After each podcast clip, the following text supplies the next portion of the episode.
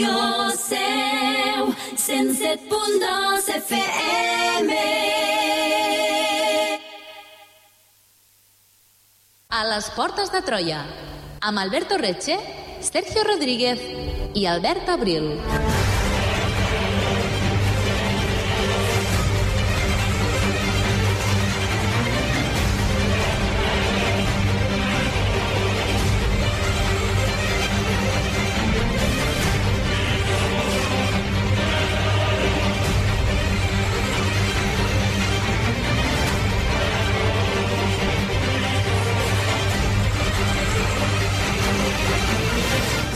Parlem en el mateix programa del primer europeu que va mencionar les restes de la ciutat d'Arapa, al Punjab, d'un desertor de la companyia britànica de les Índies Orientals, d'un espia immers en el gran tauler polític que era l'Afganistan de la primera meitat del segle XIX, d'un arqueòleg aficionat que va descobrir les primeres evidències d'un llenguatge perdut durant més d'un mil·lenni i mig, d'un home obsessionat amb la vida d'Alexandre Magna i les ciutats que va anar fundant al llarg de l'Àsia Central, de la persona que va descobrir la primera representació coneguda de Buda i del descobridor d'un imperi desconegut.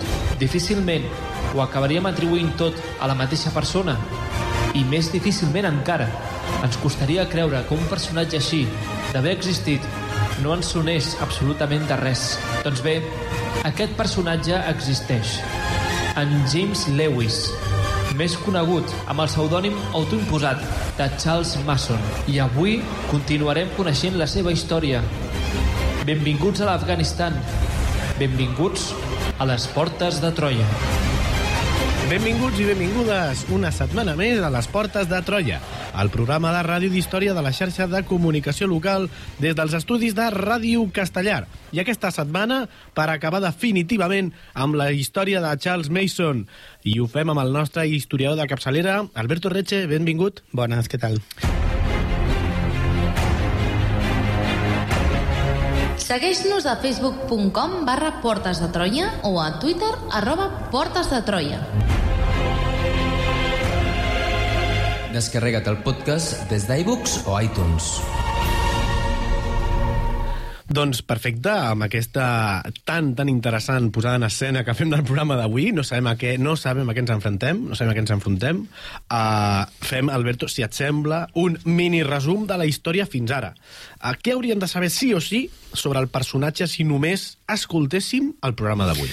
Bé, estem a l'Afganistan, a l'Àsia central del primer terç del segle XIX, en un moment on els interessos britànics en, en particular i els europeus en general s'estan ensenyorint de la regió no? I tenim una companyia de les britànica de les Índies Orientals que domina l'escenari des de la Índia i tenim un personatge, James Lewis, un jove eh, eh, londinenc que deixa la seva pobra vida eh, de treballador a Londres, s'enrola com a soldat d'infanteria de la companyia a la Índia i eh, la història comença quan aquest bon home del James Lewis decideix desertar de, de, de la companyia de les Índies Orientals i fugir creuant el desert i inventar-se un personatge, sorgir del desert i inventar-se un personatge, eh, Charles Mason, eh, amb el qual viurà durant uns quants anys de la seva vida. Ell serà, de fet, un dels primers eh, europeus, un dels primers britànics en viure a Kabul, no? en, en recórrer el territori d'Afganistan, i allà en els seus viatges ell, ell queda fascinat per la idea de, uh, o pel mite d'Alexandre el Gran i sobretot per aquesta idea de les ciutats perdudes, de les Alexandries perdudes que el, el bon d'Alexandre va anar fundant al llarg del, dels seus viatges. Eh, aquesta regió del nord d'Afganistan és l'últim lloc fins on arriba eh, el conqueridor, mor, i llavors eh, Mason eh, s'autoimposa la tasca de trobar la darrera ciutat fundada per Alexandre el Gran. Això li porta a, a explorar eh, tot Afganistan, a conèixer molt bé la seva, la, el seu territori, la seva gent, la seva cultura, i es convertirà en pràcticament un afganès d'adopció. Uh, a partir d'aquí, començarà a fer una sèrie de troballes arqueològiques que anem explicant en els programes anteriors, començarà a reunir pistes sobre què com era l'Afganistan de feia uns 2.000 anys o 2.000 i pico anys, resseguirà les pistes d'aquesta ciutat perduda l'Alexandria del Caucas d'Alexandre el Gran, i l'havíem eh, l'havíem deixat en el moment en què, quan ell feliç començava a reunir les peces d'aquest puzzle tan fascinant, rebia una carta en la que se li deia ni més ni menys que la, eh, la seva identitat havia estat descoberta i, per tant, eh, aquest eh, personatge de Charles Mason havia estat descobert i la gent de la que ell s'havia fugat, no? la companyia britànica de les Índies Orientals, havia descobert, o com a mínim algú, ja ho veurem qui, havia descobert que eh, darrere Charles Mason qui hi havia era el jove James Lewis, que era un soldat eh, fugat de la companyia i per tal condemnat a mort. Molt bé, i qui va ser aquesta persona que ara ens estàs començant a, a, a descobrir, que va ser qui va descobrir la identitat de, secreta de Charles Mason? Doncs aquesta carta on es deia sé qui ets, ho sé tot i ara ets meu, eh, no era alta que eh, Claude Wade, que era el cap d'espionatge de la companyia de les Índies Orientals, i el contingut d'aquesta carta era tal com hem comentat ara el següent. Sé qui ets, no? sé que ets James Lewis, no? el, el, un soldat fugit un fugitiu de la companyia, eh, un, un artiller eh, destacat a Bengala, que havies desertat fa 10 anys i, eh, per tant, no, la teva farsa ha caigut i el teu personatge ha quedat al descobert. I, um, clar, quina amenaça li farà? Perquè només el descobreix? O sigui, és una persona suficientment poderosa com per dur a terme alguna espècie de, de, de, de cerca, de, de càstig? Què, què passarà?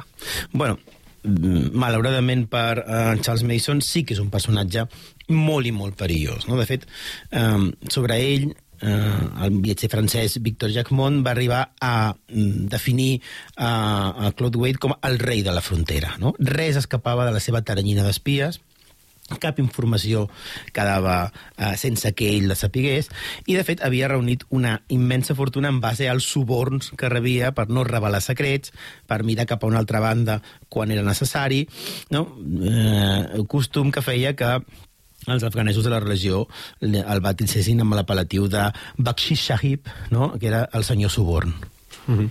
I, I, clar, aviam, el primer i el segon programa van, van, van repassar tota la vida d'aquest personatge tan estambòtic com és eh, Charles Mason, i justament, si una de les coses ens van quedar clares és que havia esborrat les seves, les, les, eh, diguéssim, totes les seves pistes sobre uh, per on havia anat, per, què, que, per on s'havia desplaçat, quines, quines, quins, havien, quins havien sigut els seus viatges. Com és possible, aleshores, que uh, Claude Wade eh, esbrinés que Charles Mason era James Lewis, sí, ja feia 10 anys que s'havia canviat la seva identitat.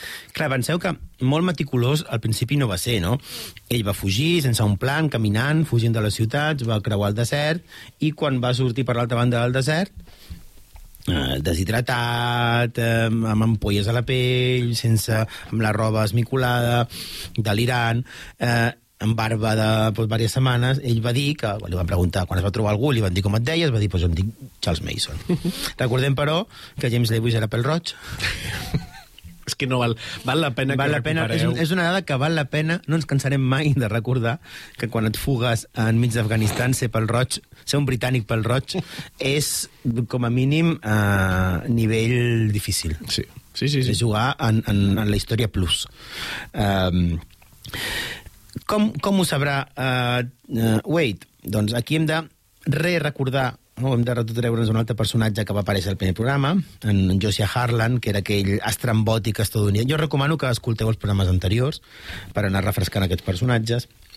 Harlan era aquell estrambòtic estadounidenc que es creia el segon Alexandre Magna, que és el primer en trobar-se a Mason tot just quan eh, surt del desert, quan inicia la seva identitat, eh, al sortir del, del desert del Tar, i és aquest personatge no, que anava amb la bandera, com, amb la bandera dels, eh, dels Estats Units, el, el seu gos, la seva escopeta, i considerant-se un, un nou Alexandre el Gran, i que arribarà a ser príncep de Gaur, una regió de l'Afganistan, eh, títol que cedirà als seus descendents, entre ells el protagonista de eh, El amanecer de los muertos, de George Romero. No? Llavors, eh, aquest personatge serà fonamental per eh, que es descobreixi la identitat de, de Mason, no? Resulta que a banda d'aquests desitjos delirants de grandesa de Harlan, Harlan treballava com a informant de Wade i ja havia posat eh, a Wade sobre la pista d'aquest estrany Charles Mason. I en el seu moment de trobar-lo, sense revelar-li la identitat, se la va guardar, però sí li va dir he conegut un personatge estrany, no, sortint del desert, que una identitat rara, no et diré qui és, no sé qui és encara, però, bueno, que et vagi sonant, no? Llavors Wade, que com a bon cap d'espionatge no deixa mai mm, d'aprofitar una informació, es va passar els següents anys observant en segon pla, no? posant l'orella eh, a totes les notícies que li poguessin arribar d'aquest estrany personatge sorgit del desert i que veiem un cop arriba a Afganistan aquest personatge entaula relació amb tot de personatges importants d'Afganistan, codallant-se amb els emirs d'Afganistan, no? amb, amb, amb viatgers britànics que passen per allà, que és el primer occidental que viu de manera estable a Kabul, que sap, la, que sap les llengües de la regió, que sap els costums del regió, de la regió, i, per tant, sense estar encara convençut de la seva identitat, no, esperava un cop de sort i tenia ja el pòsit a la pantalla de l'ordinador, no, dient, tot el que m'arribi d'aquest home, doncs jo pararé l'orella perquè aquest tio segur que és important i segur que em puc aprofitar d'ell. O sigui que estava esperant que passés alguna cosa que ell no controlava, un cop de sort, i, i aquest cop de sort, evidentment, arriba. Sí, la sort sempre arriba, no? Al final, sempre toca. Quan arribarà? Doncs resulta que l'Índia, ens hem de desplaçar a l'Índia, a la ciutat de Lahore, va te... allà va tenir lloc una trobada singular. Per una banda, el doctor James Gerard, que és un personatge que havia conegut a Mason a Kabul, era una, és un naturalista que estava viatjant per Afganistan recollint mostres de, de plantes, d'animals havia eh, conegut a Mason a Kabul i havia quedat fascinant per les descobertes que estava fent. No? I sortien just a, a passejar pel camp, no? i Mason li ajudava pues, a, a passejar per les muntanyes i a recollir les flors que necessitava. I eh, James Gerard serà un dels personatges que més campanya farà eh, a Anglaterra i als cercles erudits de Calcuta i de Londres en favor de Charles Mason, no? dient he conegut un personatge que està fent una recerca superxula, que està trobant coses superinteressants, que considero un bon amic, que és un gran erudit, que és una persona eh, de bé. I resulta que a la Índia, aquesta ciutat de Lahore, ens trobem a James Gerard parlant de Charles Mason en un grup de mercenaris estrangers de, a les ordres de Kanjit Singh, que és un dels aquests rebels que estaven intentant tornar um, a agafar el poder a Afganistan, i que justament, com aquests tropes mercenaris eh, havien d'actuar a Afganistan estaven molt interessats en la història antiga d'Afganistan. No? Llavors, en la, en la taverna de torn, James Gerard està parlant del seu bon amic. Oh, vosaltres voleu saber coses d'Afganistan? Jo ho conec. El tio, el tio que més sabe d'Afganistan és mi amigo, no sé quan, no sé quan, val?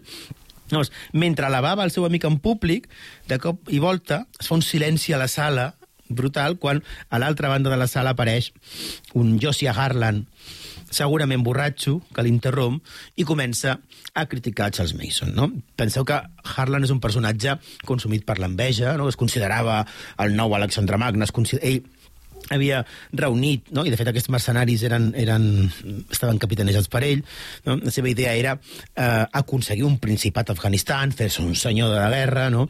i havia d'aguantar, com ell estava a la Índia sense poder obtenir res, mentre aquell personatge el que jo vaig salvar del desert, no sé què, ara resulta que s'ha fet superfamós i tinc aquí un, un senyor cantant totes les joances sobre el personatge i llavors, cegat per l'enveja, doncs, imagineu-vos la situació, no? Fa que hi ha tothom dient, vosaltres que no sabeu, aquest fill de puta, vosaltres no sabeu qui és, no? Jo us explicaré qui és. Uh, perquè realment Mason uh, guarda un secret, guarda un secret que no és altre, que, és, que no és Charles Mason, no és un eminent arqueòleg, un prestigiós erudit, sinó que és un desertor de la companyia, el que jo vaig rescatar del desert fa 10 anys. No? Això podia haver quedat no? en una conversa de borratxos, Sí, sí, sí, sí, en una tranquil·lament. crítica de borratxos en un bar uh, d'un destacament uh, perdut de l'Índia, si no fos que Charles Wade tenia orelles en totes bandes, i aquesta informació, no, aquest petit incident no, on, un, on, un- on un Josiah Harlan borratxo diu que ell sap qui és uh, uh, Charles Mason de veritat i que és un desertor, arribarà a les seves mans. Molt bé, i ara que ja sabem la manera en com es va fer amb aquesta informació, com la utilitzarà en Charles Wade? Bé, com ja vam explicar en anteriors programes, la situació d'Afganistan cada dia és més complexa. No?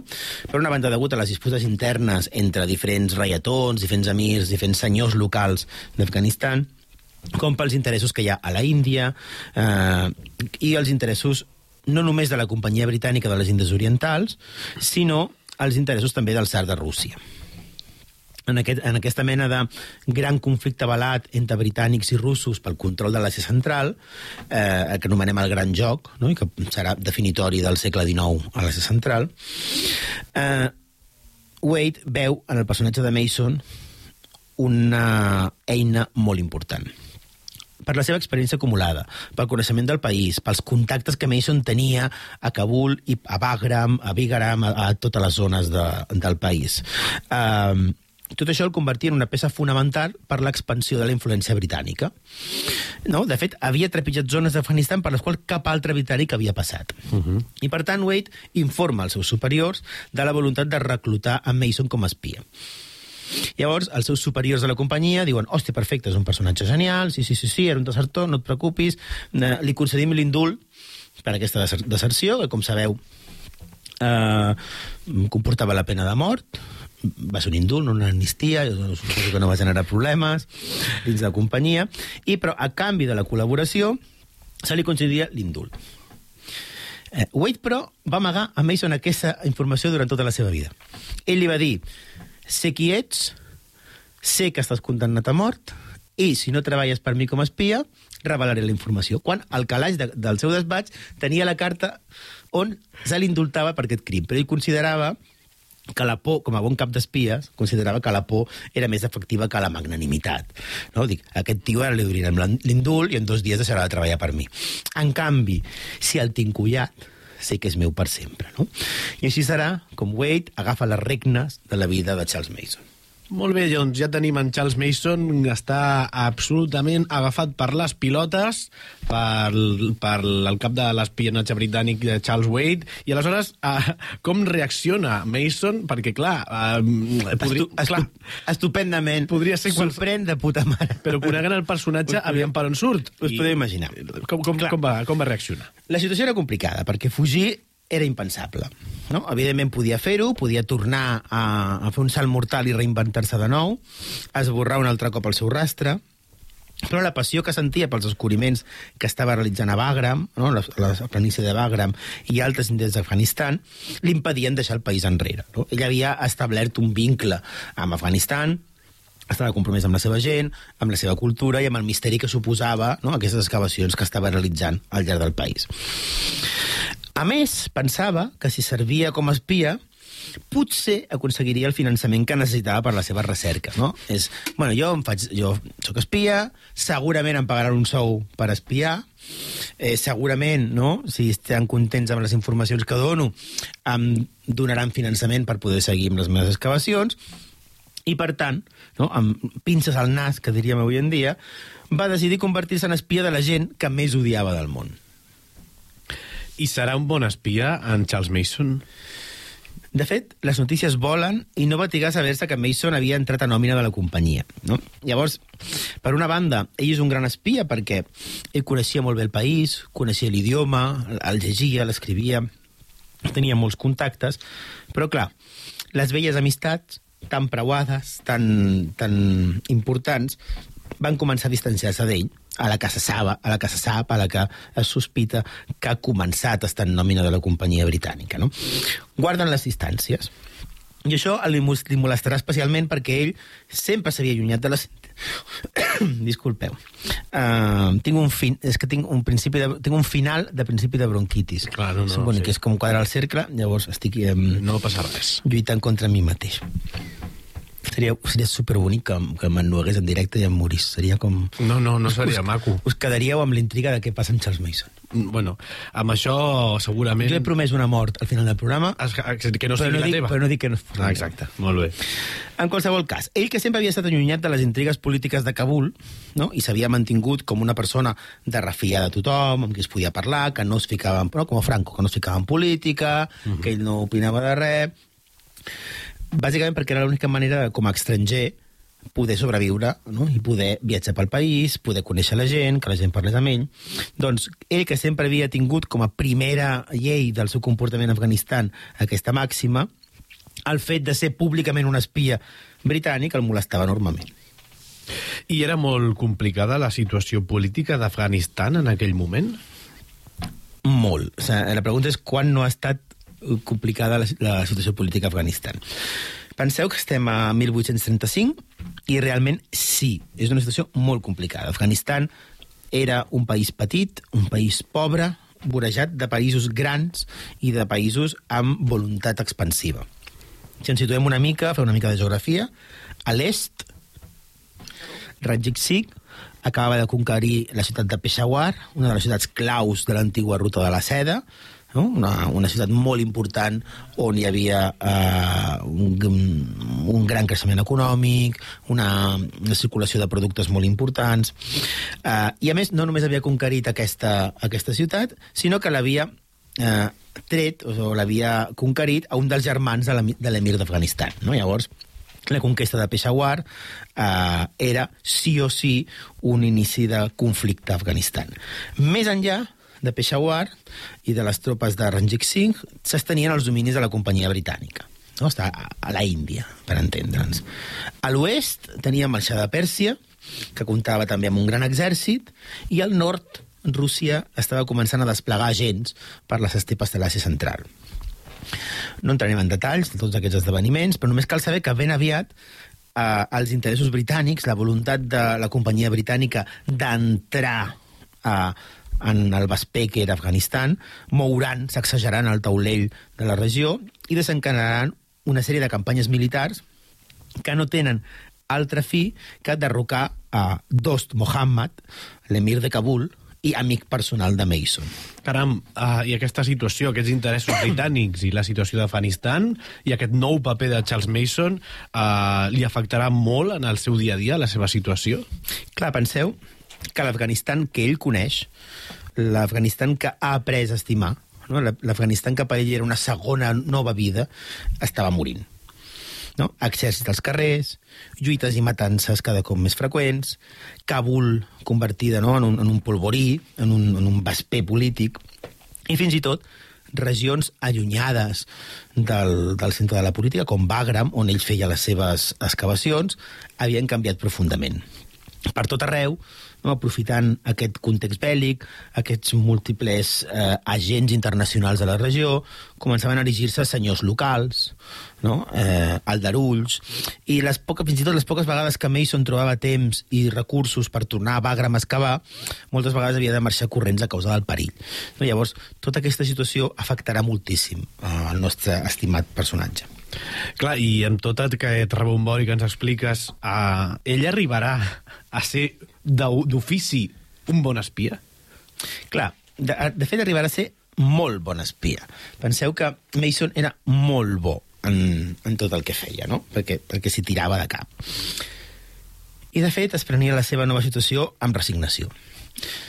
Ell pensava que aquesta, aquesta activitat no podia fugir, si fugia moria, no sabia que l'indult estava guardat en un calaix, li donava els diners que necessitava per poder seguir amb les seves recerques arqueològiques i, a canvi, va muntar una extensa i fiable xarxa d'espies. No? Ell tenia contactes a tot arreu, no només al Palau de l'Emir, i el, no? ell, ell es feia amb la, amb la gent de l'Emir i amb la gent del mercat, amb la gent de la ciutat i amb la gent del camp amb la gent del nord, amb la gent del sud. No? Realment tenia una gran xarxa d'espies que ell, de manera natural, ja havia anat teixint, no? Informadors, gent que li explicava llegendes locals, que li avisava si algun camperol, quan passava l'arada eh, pel seu camp, treia alguna cosa, no? Aquesta xarxa d'espies arqueològics funcionarà també com a espies no arqueològics, no?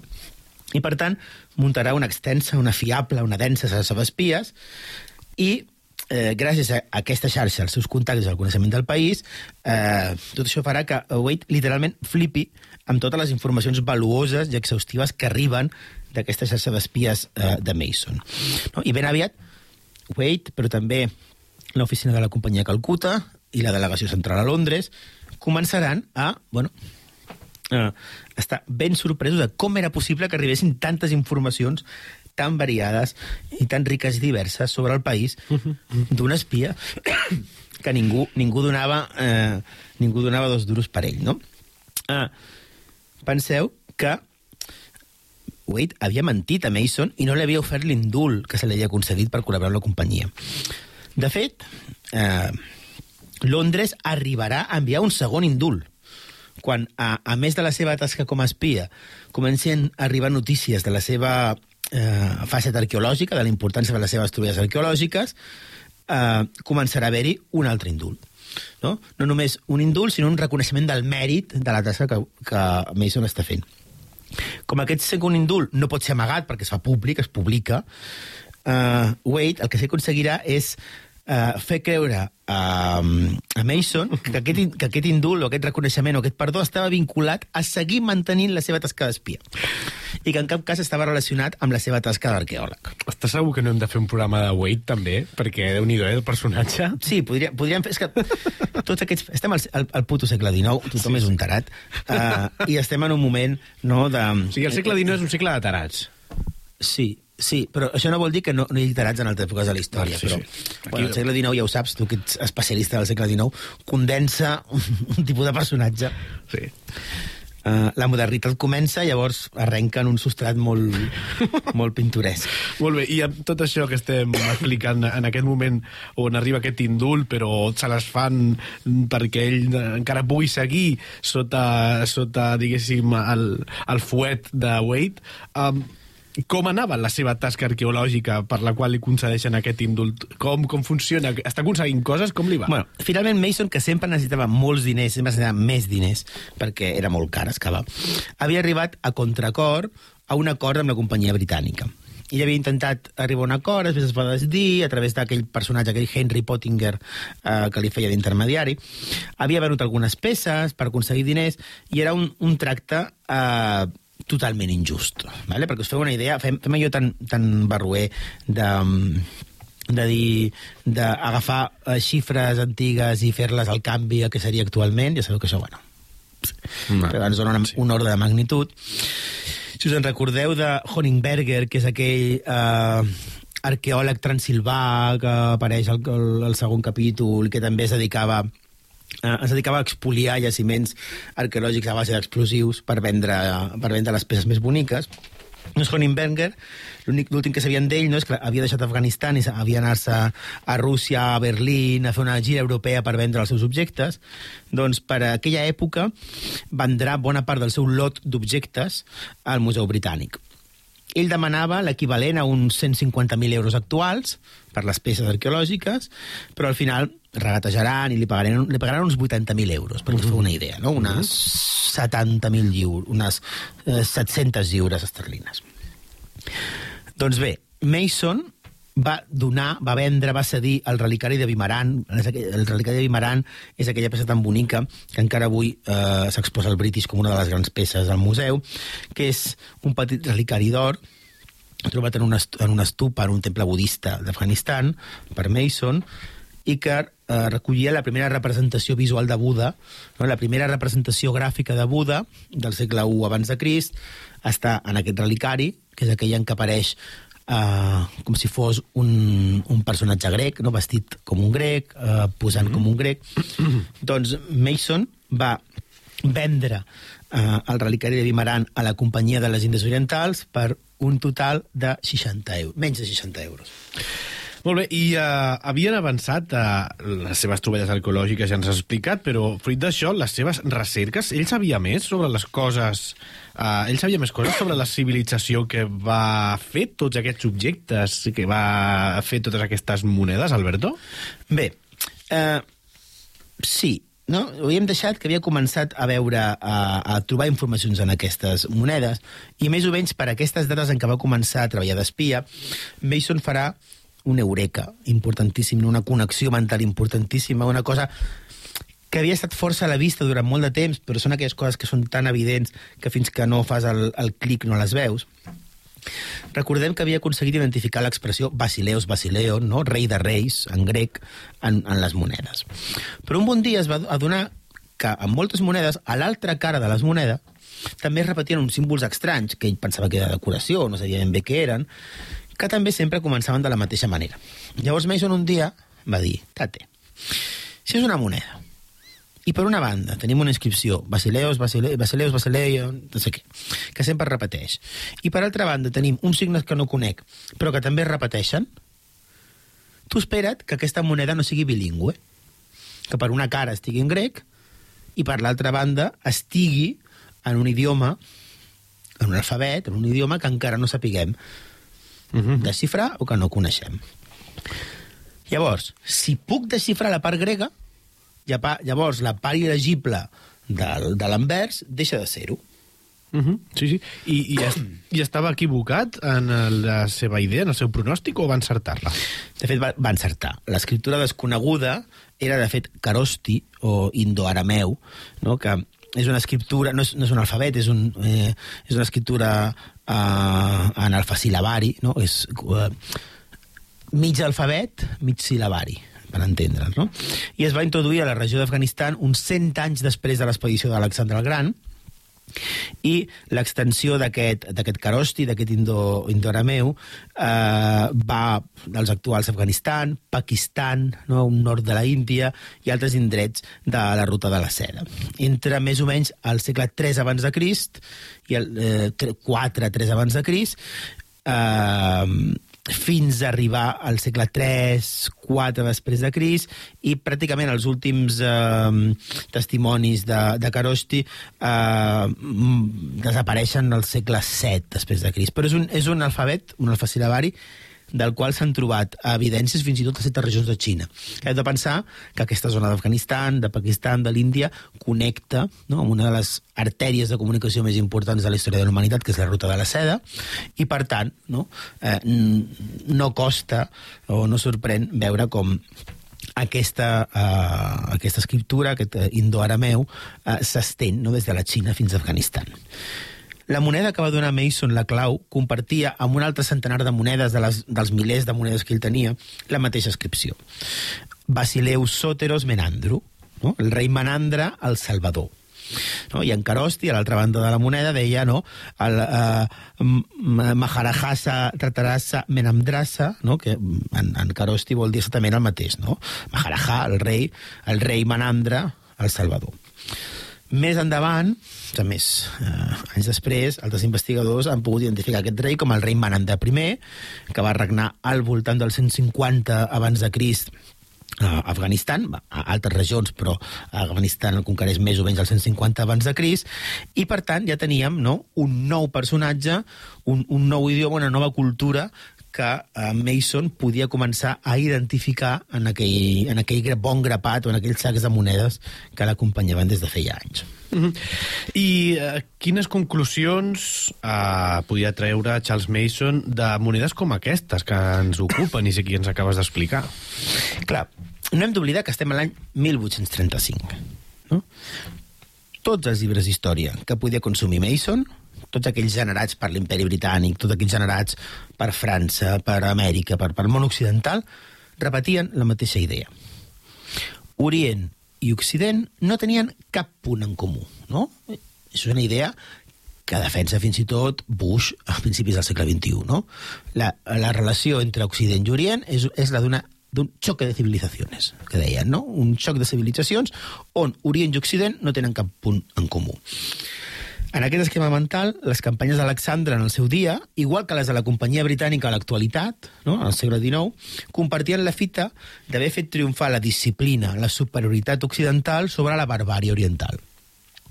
L'europeu, l'occidental, té una missió civilitzadora respecte a Orient. A la mort d'Alexandre es creia que tot rastre de la civilització europea, és a dir, grega, no, hel·lenística, uh -huh. havia desaparegut tant de l'Índia com d'Afganistan, no? perquè les civilitzacions entre si xoquen, quan hi ha civilitzacions que avancen i civilitzacions que retrocedeixen. No, no pot haver una coexistència pacífica, a no ser que siguis ZP, Bambi, i et creguis no, aquella cosa de l'aliança de les civilitzacions. Molt bé, i eh, tot aquest ideari generat per l'imperi britànic casava amb les idees de Mason i estava d'acord? Clar, en absolut, perquè la història que ell estava traient a la llum, de fet, era, era ben diferent. Eh, per ell, existien Alexandre i la cultura grega, evidentment, però aquesta es barrejava amb art budista, amb exploradors xinesos que venien de l'alta ruta de la seda, no? amb reis indis, i la de Mason, més que una història només dels, eh, dels grecs a Àsia, que és com hi comença, no? amb, la, amb la voluntat de saber com havien arribat els grecs a Àsia, com havien perviscut els grecs, els, els hereus d'Alexandre el Gran a Àsia, s'havia convertit en una cosa molt més densa, molt més important. No? I en tot cas estava molt lluny de ser una història del triomf d'Occident sobre Orient. La ciutat que havia trobat sota Bagram, de fet, ho canviava tot. Els grecs no havien volgut arrasar amb la resta de cultures, sinó aprendre d'elles. I com encaixaven els seus descobriments amb la història oficial? pues, directament no encaixaven. No? I, de fet, Mason temia posar les seves troballes per escrit. Penseu, en, en, és molt fàcil fer recerca ara amb internet i el teu, i el teu despatx.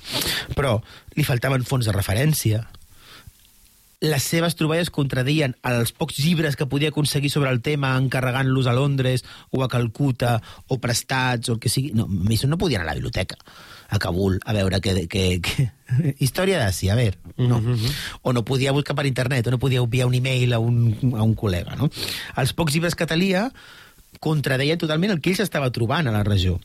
Eh, per tant, ell es dedica a documentar les seves troballes, més que no pas a extreure'n conclusions grandiloquents, no? perquè sap que està anant en contra del paradigma imperant. Eh, No? És prou intel·ligent per adonar-se que poder... De moment... Eh... Clar, però a més, a més eh, eh, investigava amb una precarietat total. Eh, tu, trobes una, tu ara trobes una moneda de, de Menandre I i a la que llegeixes Menandre, no? Basi- Basileus, Menandre, Soteros, Menandre, te'n vas al catàleg de referència, o te'n vas a internet, poses comilles, tu, tu, tu, tu, pum, i saps que qui és aquest rei, on ha governat, tens enllaç a la Wikipedia, eh, te'n vas a la, a la catàleg de la biblioteca de la teva universitat i tens 50 llibres de referència sobre això, i si no en demanes un altre.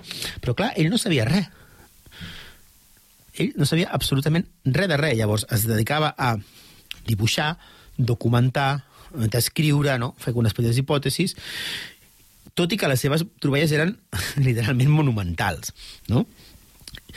A mesura que es van sabent o que van circulant aquestes notes de Mason, eh, l'estupor és monumental. Per exemple, quan, quan comencen a arribar a Calcuta, a la societat històrica de Calcuta, creen moltíssima expectació només pel simple fet de que comença a ser possible desxifrar el carosti, no? amb tot el que això implicava de poder començar a llegir, començar a desxifrar una, un alfabet, una llengua, que fins llavors eh, era indesxifrable. Molt bé, i llavors com podem definir la societat que estava traient Mason a la llum? Clar, costa. No era ni grega ni afganesa, ni pagana ni budista, ni occidental ni oriental. No? En totes aquestes, eren totes aquestes coses a la vegada entortolligades. No encaixaven en cap model. I precisament per això era fascinant, no? perquè estava trepitjant terra verge. I podem posar noms a aquestes cultures ni que sigui molt ràpidament? Podem, podem, podem intentar-ho com a mínim.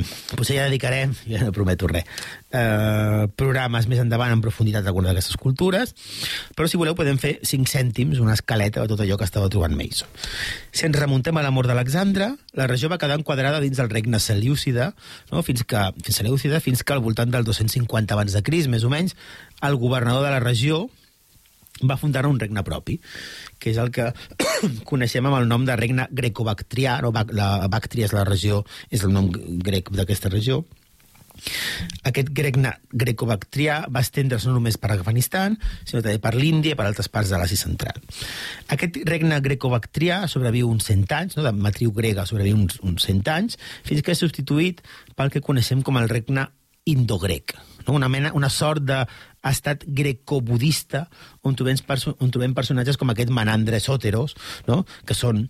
Eh, segurament aquest Manandre Sóteros va ser té l'honor de ser el primer occidental que es va convertir al budisme, no? el primer eh, monarca grec que adopta el budisme com a religió oficial i que crea una societat i una cultura que és una síntesi de l'art grec i de l'art budista. I com acabar aquest món tan interessant? Doncs aquest regne indogrec caurà a causa de diverses invasions de pobles escites de l'Àsia central i d'altres poders que aniran apareixent a la regió. Per exemple, eh, després dels escites apareix el regne indopart a finals del segle I eh, abans de Cris, o més reeixit eh, l'imperi Kushan, que instal·larà una de les seves capitals precisament sobre l'antiga ciutat de Bagram i que serà un imperi força important. No? Precisament, Mason fa una altra troballa molt important d'una moneda, molt curiosa, de temps d'aquest imperi Kushan. Que és una moneda que és molt graciosa perquè, per una banda, presenta les típiques inscripcions en grec i carosti, no? en, en uh, diguem-ne, uh, indo-arameu indo i grec, no? Clàssic i budisme, uh -huh. i per altra banda, i, i, i també presenta l'efígie de l'emperador August. Aquest imperi Kushan és un imperi no? del segle I abans de Cris eh, fins al segle II, i, i per tant trobes una moneda d'un imperi eh, indi que ha conquerit Afganistan, no? que eh, utilitza com a idiomes el grec i un idioma i l'indoarameu, que eh, representa eh, els déus budistes com a déus grecs i que eh, cunya una moneda, i que el seu soberà cunya una moneda amb l'efígie de l'emperador August de Roma i ell, al revers, el governat Kushan, apareix assegut sobre una cadira curial romana. No, la, la, la, aquesta cadira curial romana estava reservada tradicionalment als, als magistrats romans. No?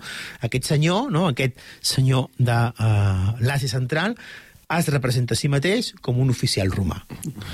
Imagineu-vos, no és fantàstic, no? Exemples és un xoc de clars. civilitzacions claríssim, eh? És, és eh, jugar a Empires posant mots, saps? Sí, És dir, sí, sí, sí. Uh, eh, en tot cas, és un exemple clar d'un món multicultural que no encaixava de cap manera en el paradigma dels intel·lectuals occidentals. Recta final del programa d'avui i recta final del nostre protagonista. Jo penso que no li hem dedicat tres programes a gairebé ningú, diguéssim, aquí a les portes Sí, de a Hitler. Bueno, però tres... a Hitler... No, és que jo crec que ni a Hitler. Com que no? No li bueno, fet... o als nazis. Ah, això sí, això sí. ja. De temes així grans Sí. sí, però així com a biopics, eh, Charles Mason és el nostre primer. Tres eh, programes i així que ja entrem en la recta final i com ens ha anunciat un l'Alberto, click- hi, haurà una mort És un clickbait, a veure si entra gent per... per... escoltant nazis. Sí. Exacte, molt bé. Uh, recta final, com dèiem, i uh, mentrestant, uh, uh, com li va a Mason a les ordres del cap dels espies de la companyia britànica, perquè aquest és el seu nou ofici. Bueno, doncs, per aquestes dates comencen els intents d'assassinat de, de Mason.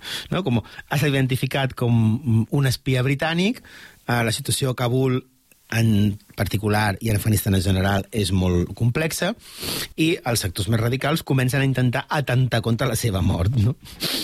Eh, també Wade havia aconseguit, momentàniament, després tornaran a ser amiguis, eh, que eh, Mason i Henry Pottinger eh, partissin peres i, per tant, Pottinger deixés de finançar les excavacions de Mason i per tant Mason es troba cada vegada més sol, més desemparat, també per la seva vida, tenim, també per la situació política d'Afganistan i veient que eh, la cosa cada vegada estava més apretada.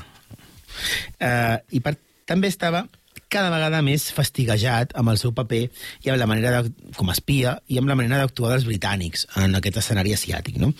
Més d'un cop va intentar, sense èxit, deixar el seu paper d'espia, mentre contemplava horroritzat com la companyia s'extenia cada cop més i més.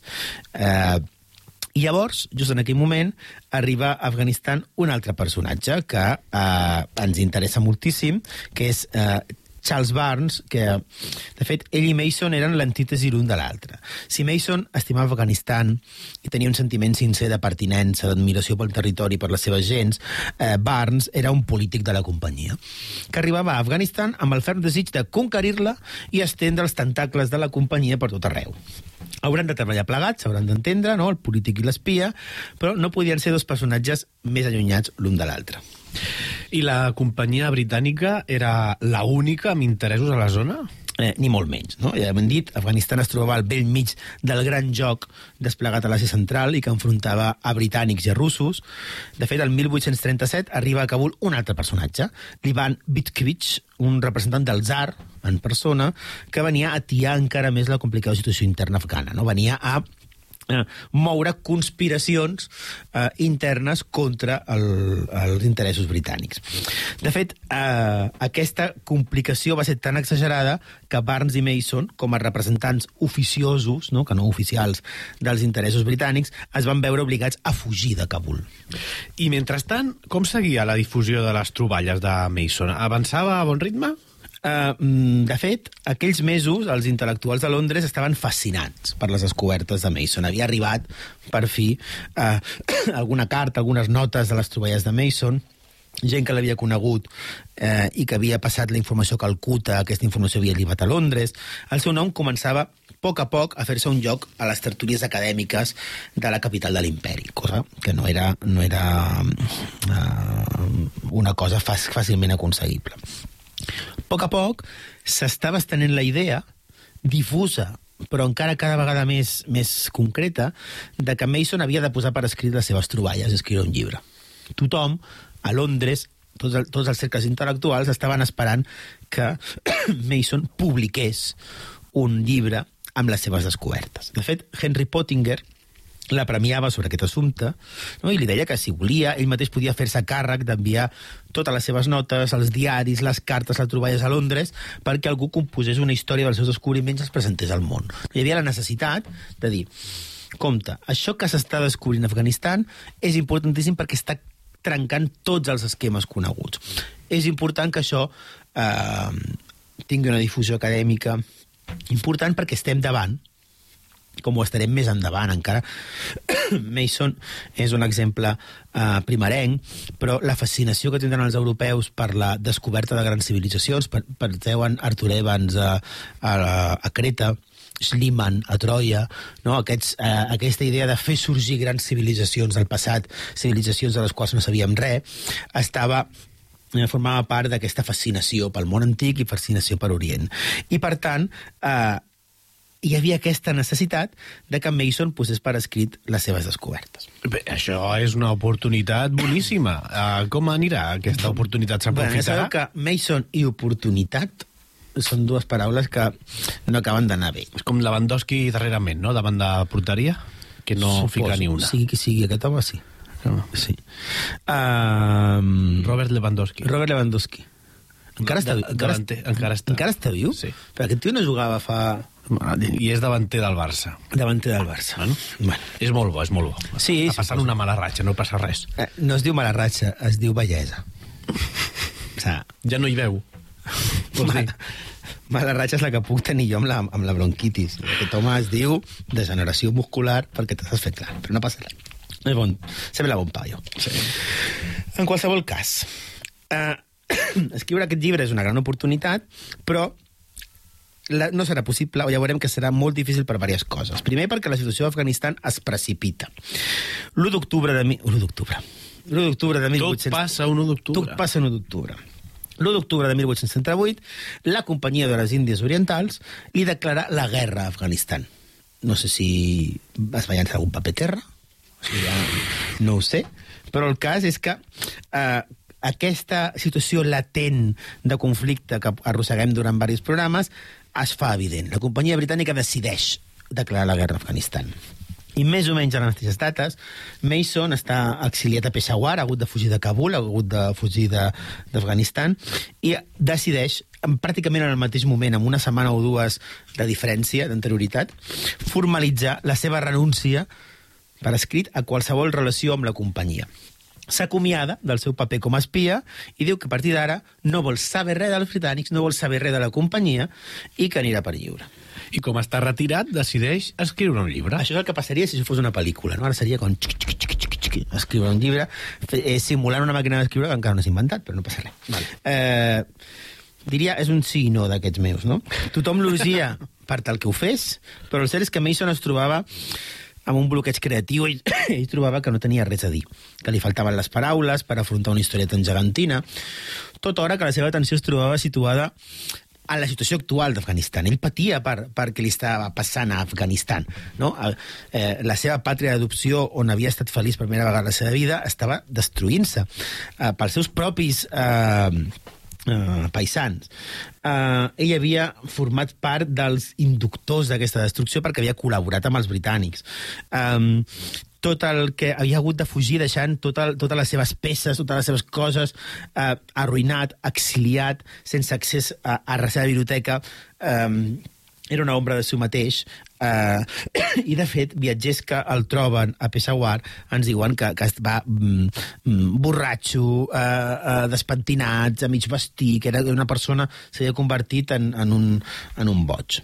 I tot i això, acabarà el llibre. Acabarà el llibre molt bé. I serà l'èxit que ell espera? En absolut. Els seus amics, els seus editors, comprovaran esparverats que el manuscrit enviat per Mason no tenia res a veure amb allò que esperaven. No? Tothom que llegia el manuscrit arribava a la mateixa conclusió.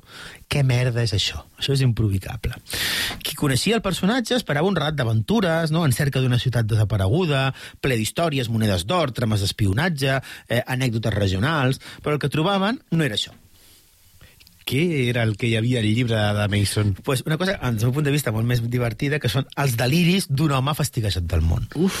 El llibre que va escriure Mason no era res de tot allò que s'esperava, sinó una fervorosa condemna de l'imperialisme britànic. No? Deia, ara m'escoltareu. Explicava els fets més sòrdids perpetrat per la, company, per la companyia eh, en la seva preparació de l'invasió d'Afganistan, revelava secrets d'estat, donava noms i cognoms dels funcionaris de les males pràctiques d'uns homes suposadament civilitzats i civilitzadors no? que havien anat a Àsia amb el mandat d'expandir la cultura occidental i que s'havien comportat com una banda de genocides, de lladres, no? de, de, de, de depredadors. Eh, I, per tant, eh, en aquest llibre volcava tota la seva frustració pel que estava passant a l'actualitat. I com és obvi, la gent de la companyia britànica de les Índies Orientals estaria encantadíssima. Sí, sí fantàstic.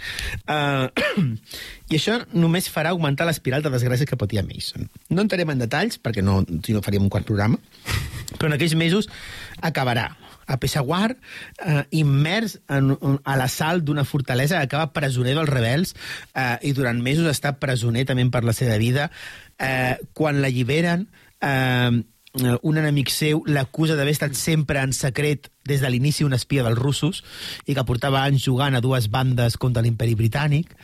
Eh, al final això es mostrarà que no, però eh, seran uns anys que ara passem molt, molt ràpid, uns mesos que passem molt ràpids, però que portaran també a un gran estès al personatge que ha passat d'estar a punt de tocar el cel de ser un dels pares de l'arqueologia moderna a convertir-se en, un, en un desclassat, no? perquè ha tingut i això és molt interessant.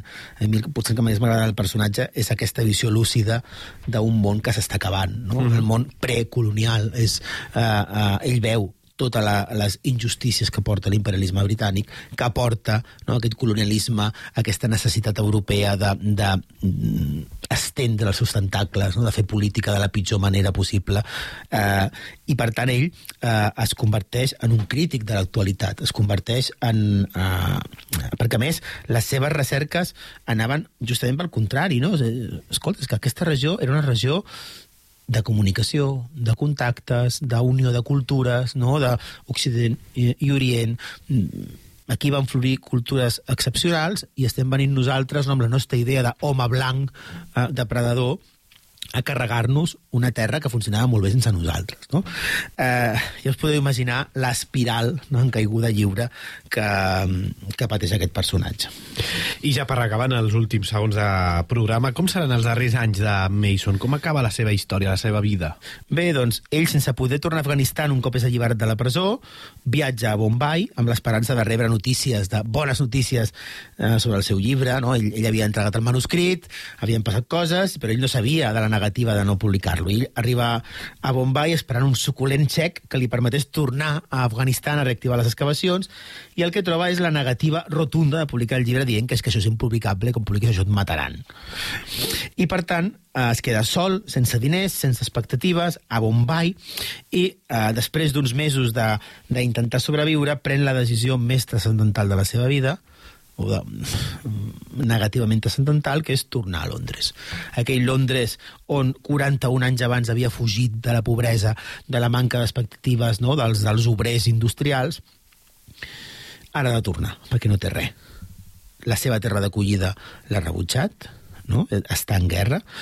El que ell no sabrà, el que ell no sabrà és que just en el, viatge, en el seu viatge de tornada a Londres els rebels afganesos faran fora la companyia britànica i hi havia un, un bri d'esperança, però en qualsevol cas l'1 de novembre de 1841 Mason s'embarca en un vaixell eh, que el tornarà a portar a Londres, deixant enrere somnis i esperances.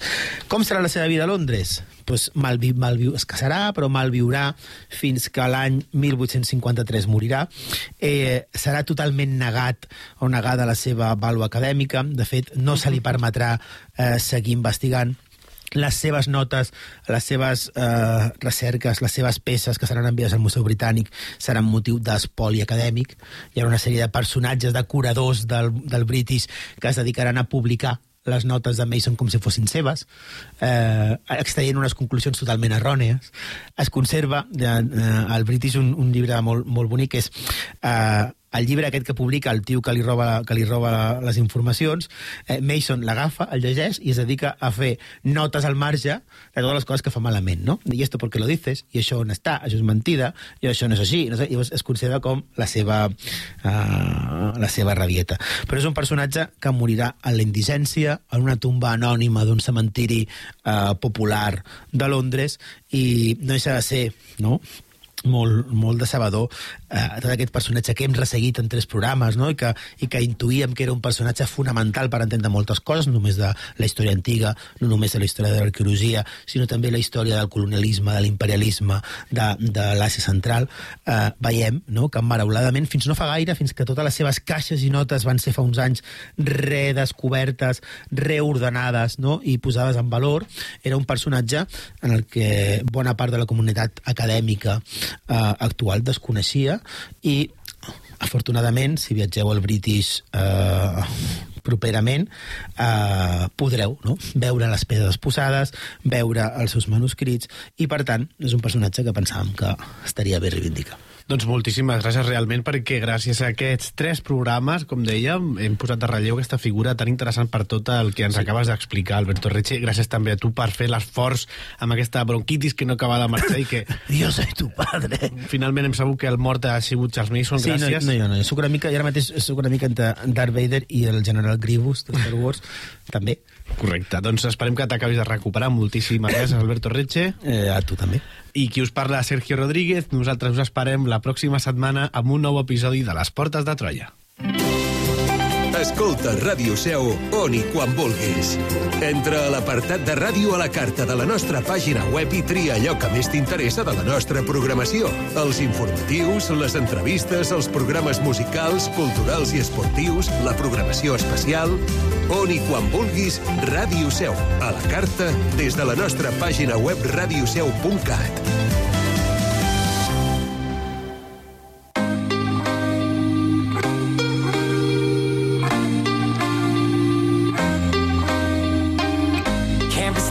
sleeping, keep on waking without the woman next to me. Guilt is burning, inside I'm hurting. This ain't a feeling I can keep, so blame it on the night. Don't blame it on me, don't blame it on me. Blame it on the night.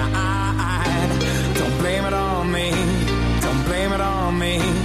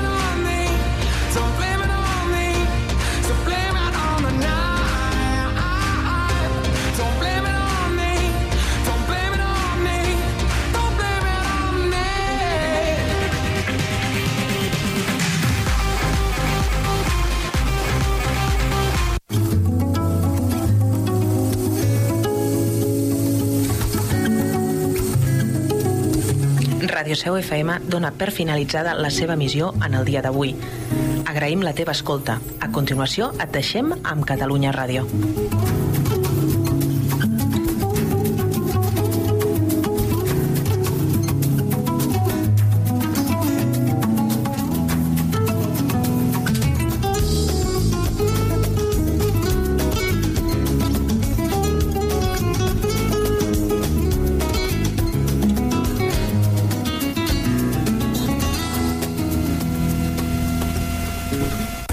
El Barça encara aspira a la Lliga? Puede ser que sí y Puede ser que no. bravo.